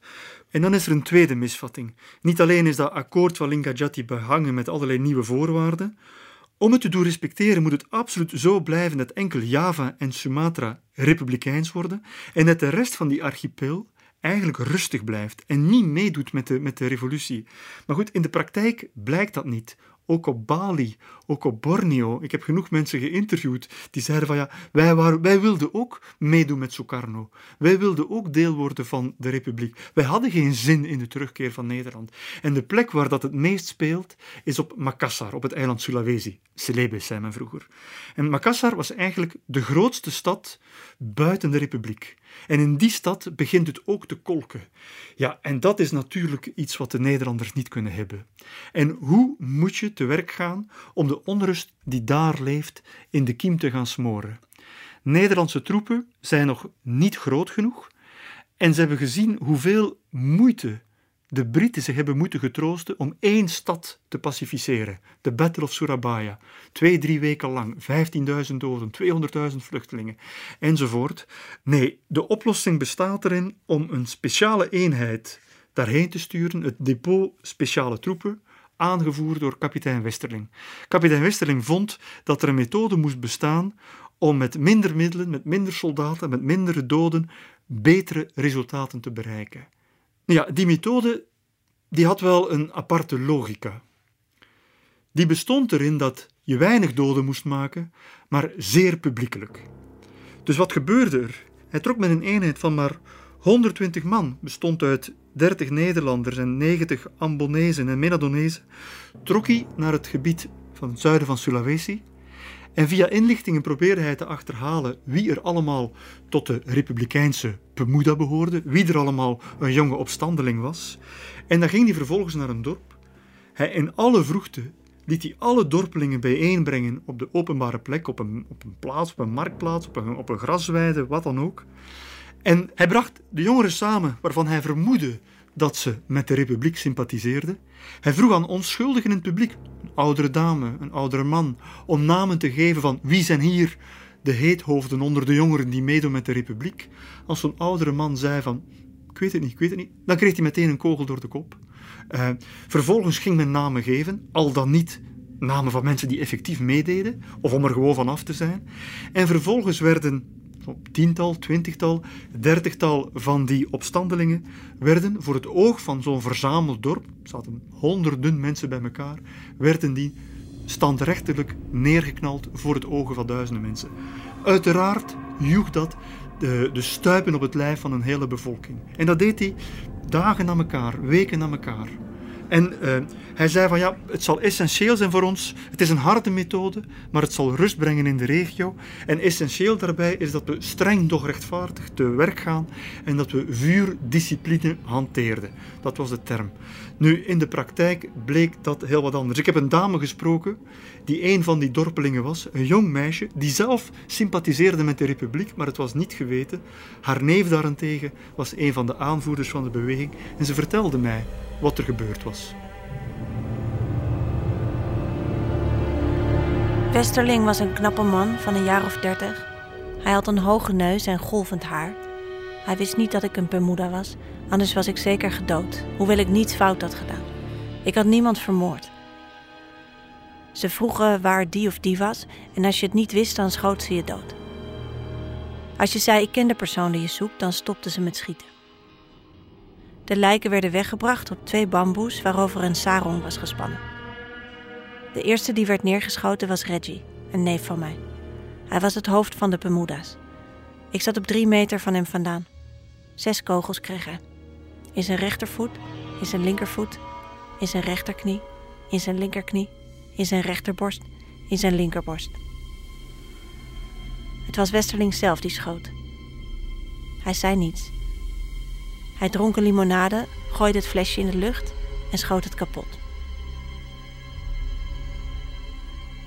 Dus de methode Westerling eh, presenteerde zich als een neutrale, efficiënte methode, maar het was toch ook standrechtelijke executies, collectieve traumatisering en vervolgens een beetje de cowboy uh, uithangen. Bovendien, op sommige plekken uh, was hij buitengewoon hardvochtig. Twee uh, vermoede opstandelingen liet hij met elkaar worstelen. Degene die het gevecht verloor, werd vervolgens geëxecuteerd. Dat is niet wat men noemt een strenge, doch rechtvaardig optreden. En, en zijn troepen gedroegen zich echt als doodseskaders. Een aantal van zijn uh, handlangers trokken een stukje noordelijker in Zuid-Sulawesi. Nou, die gingen gewoon naar gevangenissen. Die deden niet eens meer de moeite om opstandelingen te arresteren of te achterhalen wie ze waren. Die gingen gewoon naar gevangenissen waar bandieten zaten. En die werden samengebracht op eh, een openbaar plein waar alle dorpelingen moesten naartoe gaan. En die werden gewoon afgeknald. En dan tenslotte de plek Galong waar ik veel onderzoek heb gedaan, dagenlang. Uh, daar is een, is een plek waar de vuurdiscipline plotseling weg was. Uh, uh, daar waren honderden en honderden dorpelingen samengebracht. Ineens kwam er nieuws binnen dat er een aantal Nederlanders vermoord waren, een drietal Nederlanders. En vervolgens zijn die troepen van Westerling beginnen met maaien, met de mitrailleurs.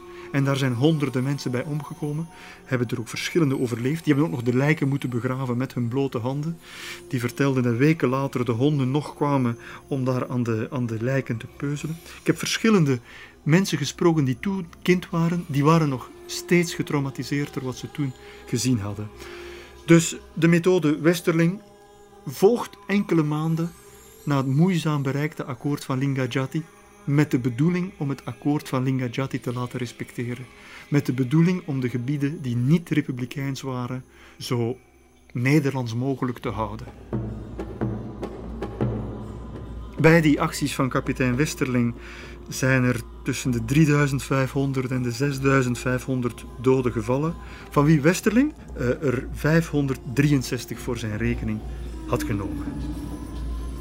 Uh, spreken over de verliezen, dus die aan de tegenpartij zijn gevallen. Ik heb niet de juiste cijfers in mijn hoofd, maar ik geloof dat het ligt zoiets als minder dan 500. Trouwens, u zou dus de juiste cijfers kunnen vinden in mijn patrouilleverslag. Omdat na elke actie werd een rapport uitgebracht. En op elke rapport stond een duidelijke specificatie erop hoeveel mensen waren gesneuveld tijdens de gevechten, hoeveel mensen tijdens poging tot ontvluchting. En als ik poging tot ontvluchting zeg, dan is het ook zo. En daarnaast ook een aparte specificatie van al die mensen die op een gegeven moment standrechtelijk terecht worden gesteld. Westerling zelf is nooit vervolgd geweest. Op het moment zelf werd hem de hand boven het hoofd gehouden door de hoogste militaire en civiele en rechterlijke instanties in Nederlands-Indië, maar ook in de decennia nadien is hij nooit vervolgd geweest. Heeft later nog geprobeerd operazanger te worden in Brussel en toen dat niet lukte, werd hij badmeester in Nederland bij een openluchtzwembad in het dorpje Dornert, waar hij voor de liefhebbers uh, wel af en toe een sterk verhaal wilde opdissen.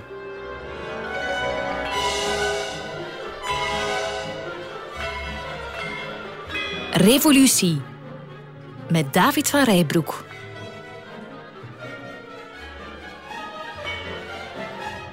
En na deze actualiteitsluisteraars nog onze officiële rubriek Actualiteit. Op 25 maart 1947 gebeurt er iets. In de troonzaal van het paleis Rijswijk te Batavia is vanochtend, zoals u weet, om kwart over elf Nederlandse tijd de overeenkomst van Dingajati door de daartoe gemachtigde delegaties van het Koninkrijk der Nederlanden en de Republiek Indonesië ondertekend. Eindelijk, eindelijk, na al het gepalaver is het zover. En luitenant-gouverneur-generaal van Mook denkt dat het een nieuw begin is. 25 maart 1947, een historische dag in de geschiedenis van de Nederlandse en Indonesische volkeren. In Batavia werden in allerlei versieringen aangebracht toen bekend werd dat het akkoord van Ningadjati zou worden ondertekend. Ja, en dat is nog maar de vraag, want welk akkoord heeft men nu eigenlijk ondertekend? De oorspronkelijke versie van zes bladzijden of alle annexen erbij? Dat is, en ja, dat zie je. De inkt van het akkoord is nog niet goed droog of het wordt eigenlijk al geschonden. Uh, Nederland had voorgenomen troepen af te bouwen, het versterkt juist zijn troepen. De enclaves zouden stilaan worden losgelaten, die worden juist verstevigd. De deelstaten de Grote Oost en Borneo zouden samen opgericht worden. Nederland doet het op eigen houtje, waarop de Republiek vervolgens op eigen houtje daar eigen gouverneurs begint te installeren en zelfs militairen naartoe eh, begint te sturen, enzovoort. Dus al heel snel blijkt dat het akkoord van Lingajati dode letter blijft. Op dat moment is er bij een deel van de Nederlandse samenleving zoveel bezwaar tegen het akkoord van Lingajati dat men besluit tot de grove middelen over te gaan. En het zijn niet van de minste. Oud-premier Gerbrandi, hoogleraar Gerritson in Utrecht en zelfs soldaat van Oranje Erik Hazelhoff Roelsema, de man over wie een lange musical loopt, eh, die besluiten om een staatsgreep te plegen. En zelfs de persoonlijke secretaris van koningin Wilhelmina wordt daarover ingelicht. In het grootste geheim wordt een staatsgreep in democratisch Nederland, na oorlogs Nederland, voorbereid. Uh, dat gerucht was vele decennia bekend en betwist, maar een paar jaar geleden heeft de historicus Sietse van der Zee het document gevonden, de brief van de secretaris van de koningin aan Wilhelmina, waarin hij vertelt wat voor een krankzinnig plan hij te horen heeft gekregen wat er staat te gebeuren. En uh, alles wordt in gereedheid gebracht. De top van leger en marine zijn ervan overtuigd. De ministers zullen gearresteerd worden. De top van de P van de A, Koos Vorring, stichter van de P van de A, begaafd redenaar, verdediger van Lingajati, die moet omgelegd worden. En op de avond waarop het moet doorgaan, 24 april 1947, liggen er twee moordenaars klaar op zijn straat de Bezuidenhoutse weg in Den Haag, liggen ze klaar om Vorink af te schieten op het moment dat hij terugkomt uit Den Haag. En we weten niet hoe het komt, maar de staatsgreep is verijdeld geweest. Het kan zijn dat Wilhelmina, die overigens zelf geen grote fan was van Lingajati, maar misschien een staatsgreep toch een beetje te ver gaan vond. In ieder geval, Vorink heeft die nacht in Amsterdam doorgebracht. En de twee sluipmoordenaars zijn tot het ochtendgloren blijven liggen voor zijn huis en zijn dan met hangende pootjes naar oud-premier Gerbrandi getrokken om te zeggen dat het niet is gelukt. En Gerbrandi moet hen tot zijn teleurstelling meedelen dat de staatsgreep helaas verijdeld is.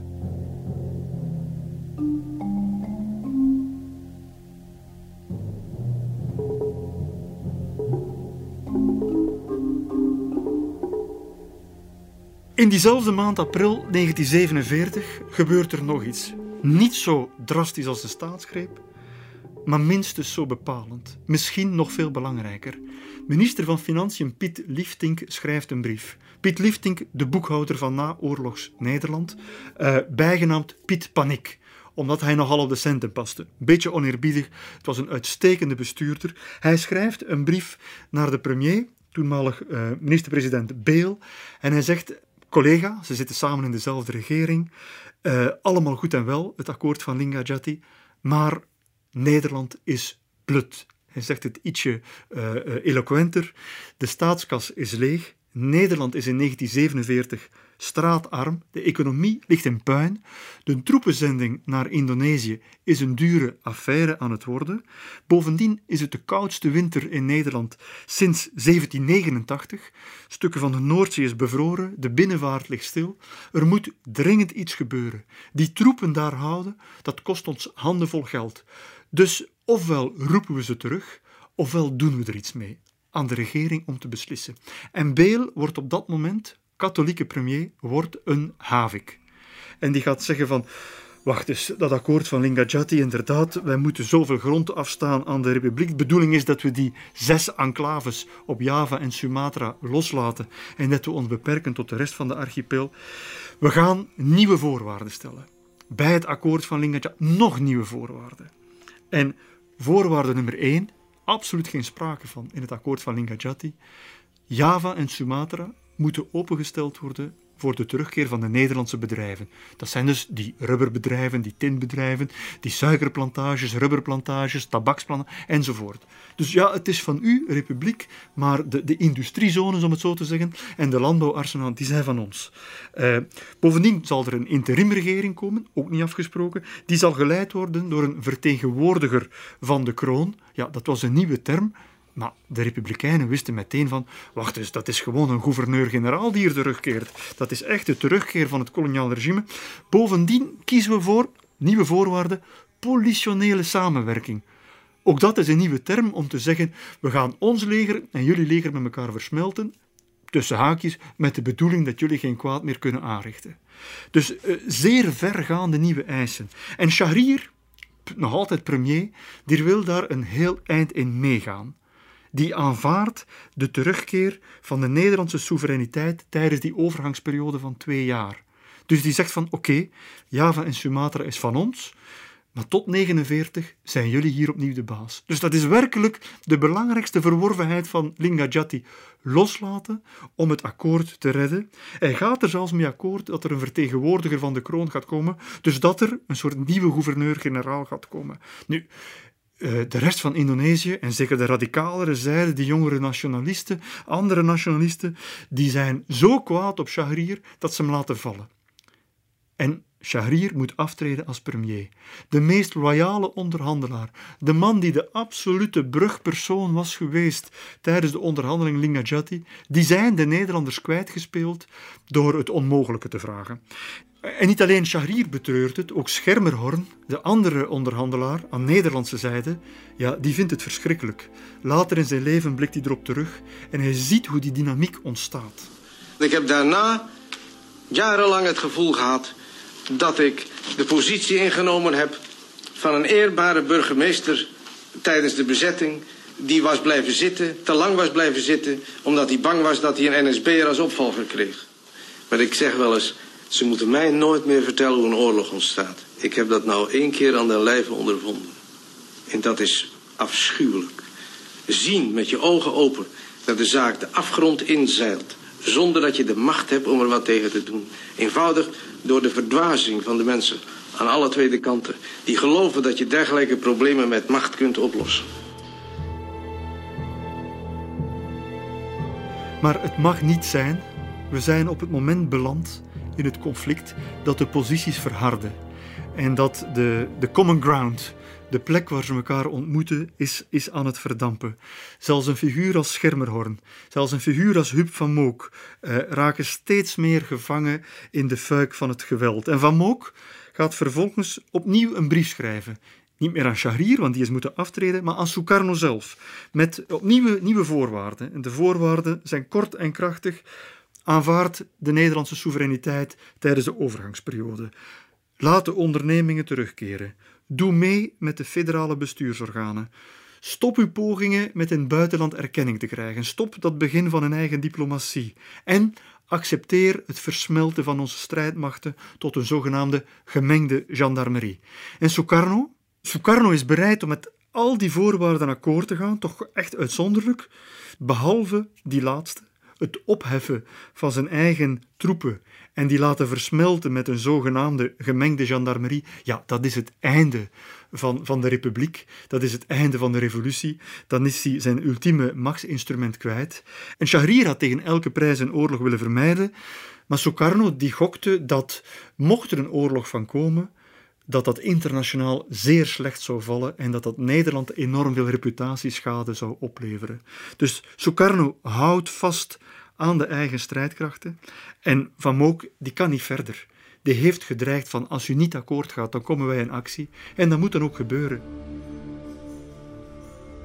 De gebeurtenissen in Indonesië nemen een zo ernstige loop dat ik meen u geen ogenblik langer dan strikt noodzakelijk is in het onzekere te mogen laten. Ik behoef u niet te zeggen dat het de regering in de laatste maanden niet gemakkelijk is gevallen haar langmoedigheid te bewaren. Toenmalig uh, minister-president Beel. En zo, zo geschiet het ook. Het document dat vrede had moeten brengen, werd helemaal uitgekleed met nieuwe voorwaarden. En dus Van Mook zit vast. Hij heeft gedreigd met geweld. Hij moet nu ook geweld gebruiken. Op 17 juli 1947 blaast hij het akkoord van Lingajati op, nog geen vier maanden nadat het formeel werd ondertekend. De toestand werd onhoudbaar en de noodzakelijkheid werd ingezien politioneel in te grijpen. Op 21 juli 1947 landen de mariniers op Passer Putti. Passerputi, wit zand betekent het, maar het wou vooral zeggen het begin van de eerste politionele actie. Nu, ja, die term politioneel was, was niet willekeurig gekozen. Dat wees erop dat het ging om een binnenlandse aangelegenheid. Eh, politie die voor ordehandhaving ging zorgen. En men koos die term zeer bewust, ook al ging het om grootschalig militair ingrijpen met tanks, met mensen in uniform, met kolonnes militaire vrachtwagens die het land gingen binnentrekken. Maar men noemde het politioneel om internationale kritiek voor te zijn. En dus men omschreef het hele optreden als niet meer dan een interne aangelegenheid. En op 20 juli 1947 gaf luitenant-gouverneur-generaal Van Mook op last van de regering Beel in Nederland het startschot. De Nederlandse regering is ervan overtuigd dat zij voor deze beslissing de medewerking en de goedkeuring zal verkrijgen van die tallozen die de huidige toestand moede zijn en beseffen dat een voortduring daarvan iedere grondslag zou ontnemen aan de oprichting van een werkelijk vrije Verenigde Staten van Indonesië. Zij roept de hulp in van allen die dit begrijpen en wil uitdrukkelijk vaststellen dat de militair-politionele maatregelen die zij ondernemen zal niet gericht zijn tegen het Indonesische volk, noch tegen het Indonesische vrijheidsstreven, doch uitsluitend tegen die machthebbers en groepen welke aan de werkelijke bevrijding van dit land in hun weg staan. Zij moet dit doen om een einde te maken aan de slechte erfenis van de Japanse tijd met zijn methoden van propaganda en terreur en om de constructieve krachten van dit land tezamen te brengen voor de gezamenlijke opbouw van de vrije Verenigde Staten van Indonesië. Nederlandse soldaten worden eilings getransporteerd naar het strijdtoneel. Hun commandant, luitenant-generaal Kruls, zegt tegen zijn mannen... U Nederlandse soldaten, mijn beste wensen vergezellen u. Houd u taai. Dus vanuit die zes enclaves, drie op Java, drie op Sumatra, trekken die Nederlandse troepen de rest van die twee eilanden binnen. En dat, dat gaat bliksemsnel. Snelheid was verboden omdat de verschroeide aardepolitiek dreigde. Wegversperringen moesten worden opgeruimd en in vele gevallen gelukt het verwoestingen van eigendommen te voorkomen. De actie is goed voorbereid, de troepen zijn goed bereid. Lange kolonnes trekken langs de belangrijkste wegen het gebied binnen, wat eigenlijk volgens het akkoord van Lingajati republikeins Indonesisch gebied was. En dat gaat met verbluffend gemak. Duizenden soldaten worden verplaatst, lange kolonnes. Dat zijn niet alleen tanks, dat zijn ook vrachtwagens. Hele bakkerijen, hele slachthuizen reizen mee. Eh, ik vond zelfs ergens een anekdote dat op moeilijk bereikbare gebieden de Nederlandse jongens bevoorraad werden met op een bijzondere wijze levende varkens werden via parachutes gedropt, zodanig dat de Nederlandse troepen s'avonds een, eh, een kotelet uh, konden eten. De hele operatie, de codenaam voor de operatie, was van een, uh, van een onwaarschijnlijke eerlijkheid.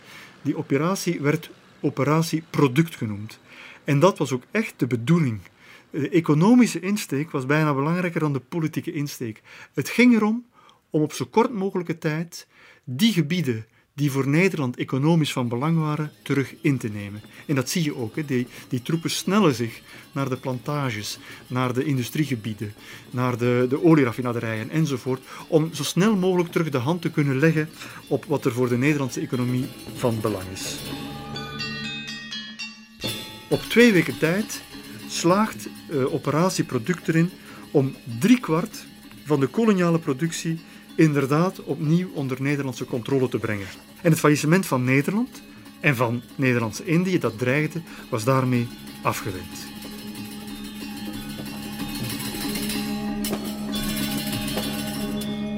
Maar goed, het is niet omdat je een oorlog politioneel noemt dat hij stopt een oorlog te zijn. En dat valt ook op in het buitenland. En tegen ieders verwachtingen komt de VN-veiligheidsraad bijeen in spoedberaad over deze kwestie. En die Veiligheidsraad en die Verenigde Naties die bestaan nog maar een paar maanden. Hè. Dat is een nieuwe organisatie. En die moeten nog zoeken wat ze precies kunnen doen en welke bevoegdheden ze precies hebben en hoe die Veiligheidsraad gaat werken. In ieder geval, men vindt het militaire optreden onaanvaardbaar. En dus op 31 juli 1947, nog geen tien dagen na het begin van die eerste politionele actie, komt de VN-veiligheidsraad in spoedberaad bijeen om te praten over, over eh, wat er daar aan het gebeuren is. En men is zeer verontwaardigd over dat militaire optreden door de Nederlandse overheden. En een dag later, op 1 augustus 1947, wordt resolutie 27 aangenomen. Zo jong is die organisatie. We hebben nog maar 27 besluiten genomen. En die tekst is kort en krachtig en die vraagt aan de partijen, aan de beide partijen, om één, de vijandelijkheden onmiddellijk te staken. Twee, hun geschil via arbitrage of andere vreedzame middelen op te lossen en de Veiligheidsraad van de vooruitgang op de hoogte te houden. Dat klinkt als een brave aanmaning, maar dat is wereldgeschiedenis. Koloniale geschiedenis was altijd een debat geweest, wel nee, een monoloog geweest tussen het koloniserende land en de kolonie. En plotseling is daar een nieuwe instantie ontstaan, na de Tweede Wereldoorlog, die zich gaat moeien met wereldpolitiek en die zich gaat moeien met koloniale politiek. Nederland heeft zijn handen niet meer vrij. Er komt een directief van bovenaf, vanuit New York. Het is een internationale blamage van formaat. Koningin Wilhelmina stelt zelfs voor om de VN te verlaten. En het liefst van al was zij doorgestoten tot Yogyakarta, de hoofdstad van de republikeinse regering. Dat is ook het verlangen van uh, opperbevelhebber Spoor en van Van Mook, de hoogste civiele ambtenaar. Iedereen wil doorstoten, maar uh, het kan niet. Die, die, die resolutie is werkelijk krachtig. En op 4 augustus wordt er met zeer veel tegenzin een staakt het vuren afgekondigd. Nu, wat heeft Nederland op dat moment? Uh, als je kijkt naar kaartjes over de eerste politionele actie, dan zie je dat die minime enclaves plotseling zijn uitgebreid tot een ontzagwekkend groot gebied op Java en Sumatra. Maar bon, in de praktijk betekent dat dat Nederlandse troepen via de hoofdwegen zijn geavanceerd, die hebben de grenzen verlegd. Maar wat ze in de praktijk hebben, dat zijn die wegen, dat zijn de steden langs die wegen. En die republikeinse jongeren, die, die Indonesische soldaten, die trekken zich terug die vechten relatief weinig tegen die oprukkende Nederlandse troepen. Die trekken zich terug in het hinterland, in de rijstvelden, in de wouden. Het terrein hier ziet er nogal onschuldig uit. Maar de praktijk heeft geleerd dat je juist in die stilte moet oppassen. Onder al die schijnbare rust kan overal het onzichtbare gevaar op de loer liggen naar een ogenblik van verslapte waakzaamheid. Wat betekent dan een staakt het vuren? In een telegram zegt generaal Spoor zeer duidelijk dat het staakt het vuren enkel geldt voor nieuw, ik herhaal, nieuw gebied. Om de veiligheid van de bevolking te garanderen, gaan onze troepen zonder onderbreking door met operaties binnen, ik herhaal, binnen nu bezet gebied. Dat is een groot verschil met Sukarno. Want Sukarno legt zijn troepen op om het staakt het vuren integraal te respecteren. Niet alleen aan de nieuwe grenzen, aan de pas verlegde grenzen, maar ook binnen de grenzen, ook in het hinterland, moeten de wapens zwijgen. Dus in plaats van een nieuwe vrede, krijg je daar het begin van een guerrilla. En die guerrilla gaat maanden duren. Die gaat, de politionele actie zelf heeft twee, drie weken geduurd. De guerrilla gaat een half jaar duren. En dan zie je het typisch ontstaan van een asymmetrische oorlog. Reguliere troepen uh, aan Nederlandse zijde, irreguliere troepen aan Indonesische zijde. En er wordt een kat-en-muisspel. En dus die Nederlanders zijn beter georganiseerd, beter bewapend. Ik heb mensen geïnterviewd die zeiden we hadden één wapen per drie soldaten. En af en toe mochten we een keer schieten. Maar natuurlijk, ze hadden betere terreinkennis. En af en toe passeert er zo'n jeep of een kolonne met een paar vrachtwagens. En die worden dan beschoten vanuit de wegberm of vanuit het oerwoud of, of wat dan ook. Dus dat zorgt voor een enorme nervositeit bij die Nederlandse soldaten. Patrouilleren wordt zeer onaangenaam, gevaarlijk werk. Patrouilleren door de rijstvelden. En die troepen uh, raken uh, helemaal uh, opgefokt. En dat leidt tot, dat leidt tot absolute misstanden.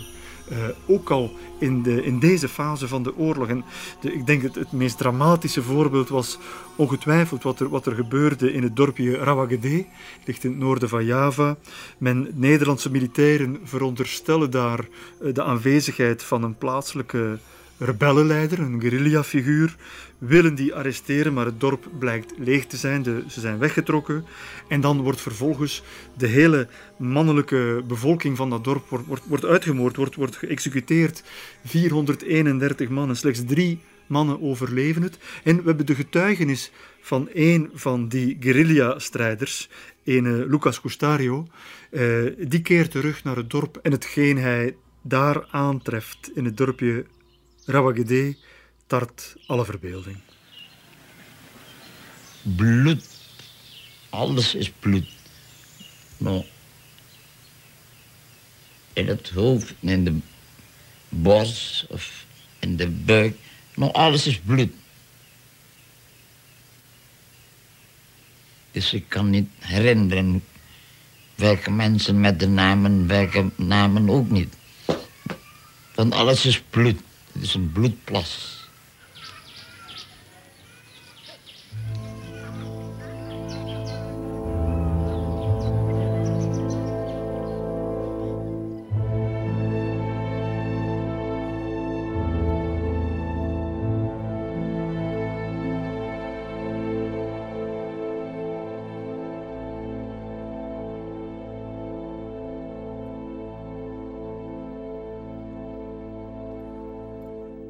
Dit was een podcast van Clara in samenwerking met de correspondent.